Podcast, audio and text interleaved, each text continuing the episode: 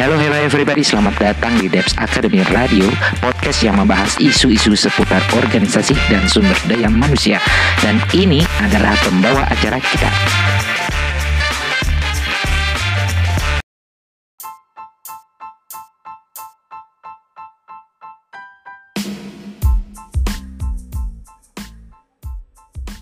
Halo, halo, halo semua. Selamat datang di Debs Academy Radio. Episode perdana ini kita akan membahas masalah sulitnya organisasi dalam mencari seorang pemimpin. Lalu sebenarnya apa sih yang harus dimiliki seorang pemimpin yang memiliki kinerja yang efektif untuk sebuah organisasi? Yuk kita bahas. Banyak organisasi mengalami kesulitan dalam mencari calon pemimpin untuk menggerakkan roda organisasi mereka. Berbagai cara sudah mereka lakukan, namun sayangnya roda organisasi tidak bergerak sebagaimana yang mereka inginkan. Selain sulitnya mencari sosok pemimpin, setiap orang di organisasi ya tanpa dikata, tanpa ditanya ya, sudah mengetahui anekdot yang terjadi di hampir semua organisasi apa itu anekdotnya? Begini. Seorang pemimpin ya atau seorang eksekutif lah ya yang sangat cerdas, sangat terampil dari tampilan luar semua orang memandangnya seperti itu.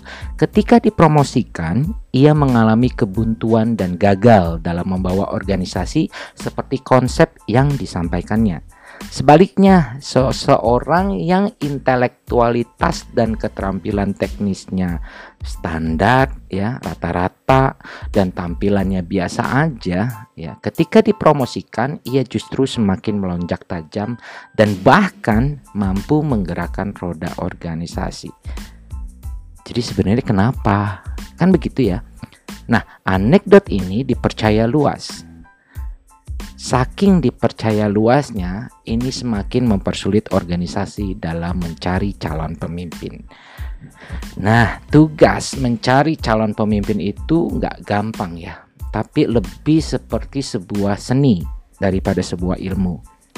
Meskipun banyak organisasi yang sudah mencoba menggunakan model kompetensi untuk menemukannya, namun mengidentifikasi individu dengan cara yang benar tanda kutip untuk menjadikan seorang pemimpin itu tidak seperti yang dibayangkan dalam sebuah teori. Apa pun itu ya. Jadi seorang pemimpin itu pasti akan berbeda-beda, gaya kepemimpinannya juga akan berbeda-beda. Begitupun juga sama pentingnya dengan ketika menghadapi situasi. Ketika situasinya berbeda, maka kita membutuhkan tipe kepemimpinan yang berbeda pula. Nah, keunikan ini membuat para peneliti penasaran untuk mengetahui apa sebenarnya yang membuat seseorang itu berhasil dalam melaksanakan tugasnya sebagai pemimpin.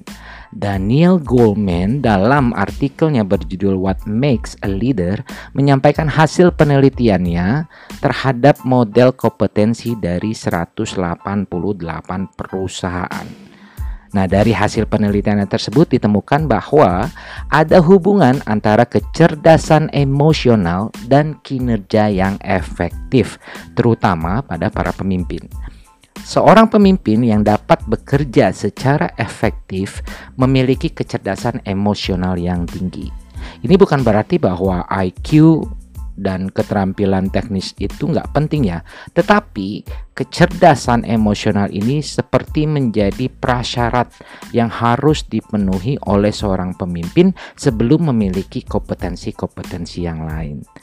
Tanpa itu ya, mungkin gini, seseorang itu bisa aja dia mendapatkan privilege untuk ikut pelatihan terbaik di dunia ya. Dia juga mungkin memiliki pelat, e, pemikiran analitik yang tajam atau ide-ide inovatifnya itu banyak gitu ya. Tanpa itu tanpa kecerdasan emosional dia tetap tidak akan menjadi pemimpin yang hebat. Nah Penelitian ini ya yang dilakukan oleh Daniel Goldman ini mendukung temuan men mendiang David McClellan ya. Jadi David ini sempat melakukan studinya uh, atau penelitian ya pada tahun 1996 ya di mana dia meneliti sebuah perusahaan makanan dan minuman global. Di situ ditemukan ya bahwa ketika manajer senior memiliki banyak kemampuan kecerdasan emosional, itu divisi mereka bisa mengungguli atau mencapai atau melebihi dari target pendapatan uh, yang mereka inginkan ya. Targetnya itu uh, apa hasilnya itu sekitar 20%. Di sisi lain ya, di sisi lain pemimpin divisi tanpa memiliki itu, tanpa punya kecerdasan emosional, justru kinerjanya buruk ya dengan jumlah yang hampir sama ya gitu. Dan singkat kata, berdasarkan hasil penelitian tersebut dapat kita simpulkan bahwa kita dapat melihat ya sebuah gambaran tentang hubungan antara kesuksesan seorang pemimpin dan kecerdasan emosional yang dimilikinya.